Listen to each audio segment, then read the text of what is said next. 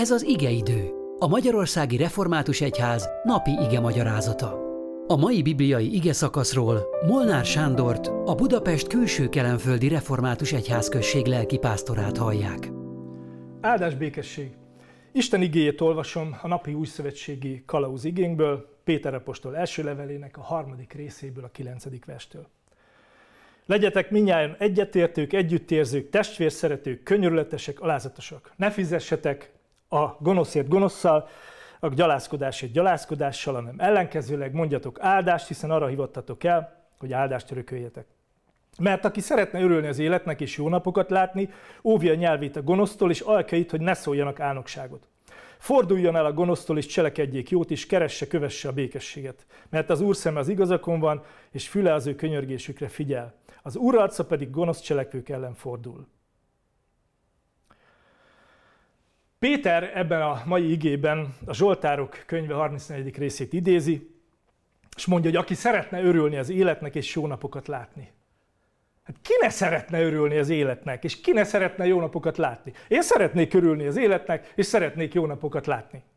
Mindenki örülni szeretne az életnek, és mindenki jó napokat szeretne látni, nyilván. Mi akkor a teendő? Három fontos dolgot mond itt Péter ennek kapcsán. És azt mondja, hogy aki örülni szeretne az életnek és jó napokat látni, az először is óvja a nyelvét a gonosztól. Jakab apostol ír a nyelvbűneiről, magát a nyelvet, az ember beszédét emésztő tűznek nevezi, és azt írja, hogy a nyelv a gonoszság egész világa. Olyan az embernek a beszéde, amely az egész életét az embernek fölperzseli. Egy pillanat, és már is lángol körülöttünk minden a nyelv, a beszéd miatt, tehát ezt mindannyian tudjuk. Aki szeretne jó napokat látni, annak azt üzeni ma Péter apostolon keresztül a Szentlélek Isten, hogy ügyeljen először a nyelvére, a beszédére. És oda kérje, a szája kapujához kérje, a szívéhez kérje, mert hogy a szív dolog, a Szentlélek óvóvédő őrizetét. Mert ne feledjük el, hogy a kimondott szónak hatalma van, és ereje van. Visszahat ránk is, akik kimondjuk a szavakat, és visszahat azokra is, pontosabban hat azokra is, akiknek mondjuk, akikre ezeket rávintjük. Aztán azt mondja Péter, hogy aki szeretne jó napokat látni és örülni az életnek, az forduljon el a gonosztól és cselekedjen jót. Ez nagyjából azt jelenti, hogy már ideje korán egy-egy nap temetkezzünk bele Isten jelenlétébe. Ez olyan, mint amikor valaki vendégségbe jön, akit nagyon szeretünk. És amikor elmegy, a vele való találkozásnak az élménye körüllengi az egész napot, és eljön velünk végig azon a napon. És az úton járva tapasztaljuk, hogy napról napra, óráról órára így menet közben, percről percre is akár döntéseket kell hozni. A gonosztól való elfordulásban és a jó cselekvésében. Az a kérdés, hogy mi motiválja bennem ezt? Kinek a jelenléte motiválja bennem ezt? Hogy először gondolatban, a szívben hozzam meg a döntést, és utána aztán ezeket kövessék a cselekedetek. Hiszen a gondolat hajszára van a tettektől. Éppen ezért mondja Pál azt, hogy minden gondolatot fogjul ejtünk a Krisztus iránti engedelmességre, mert gondolatból lesz a szó. A szívből származnak a gonosz gondolatok, és a gondolatból lesznek a szavak és a tettek. És végül, aki jó napokat akar látni, keresse és kövesse a békességet.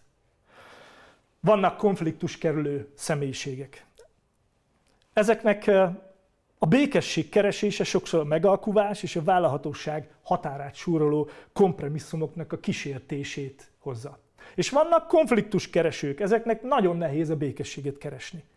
Jézus azt mondja, és itt ezt áthidalja a kétféle ember közötti különbséget, azt mondja, amit tehát szeretnétek, hogy az emberek veletek cselekedjenek, azt cselekedjétek velük is. Ez az aranyszabály. Tehát óvni a nyelvemet és a beszédemet, elfordulni a gonosztól, keresni és követni a békességet.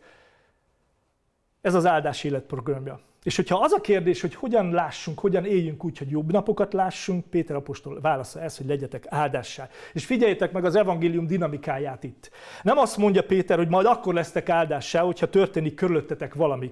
Hogyha majd javulnak a gazdasági mutatók, meg alacsonyabbak lesznek az árak, meg magasabbak a fizetések, ha majd lesz nagyobb tisztelet, meg több megbecsülés, és majd ezek révén jobb napokat láttok. Nem, nem ezt mondja.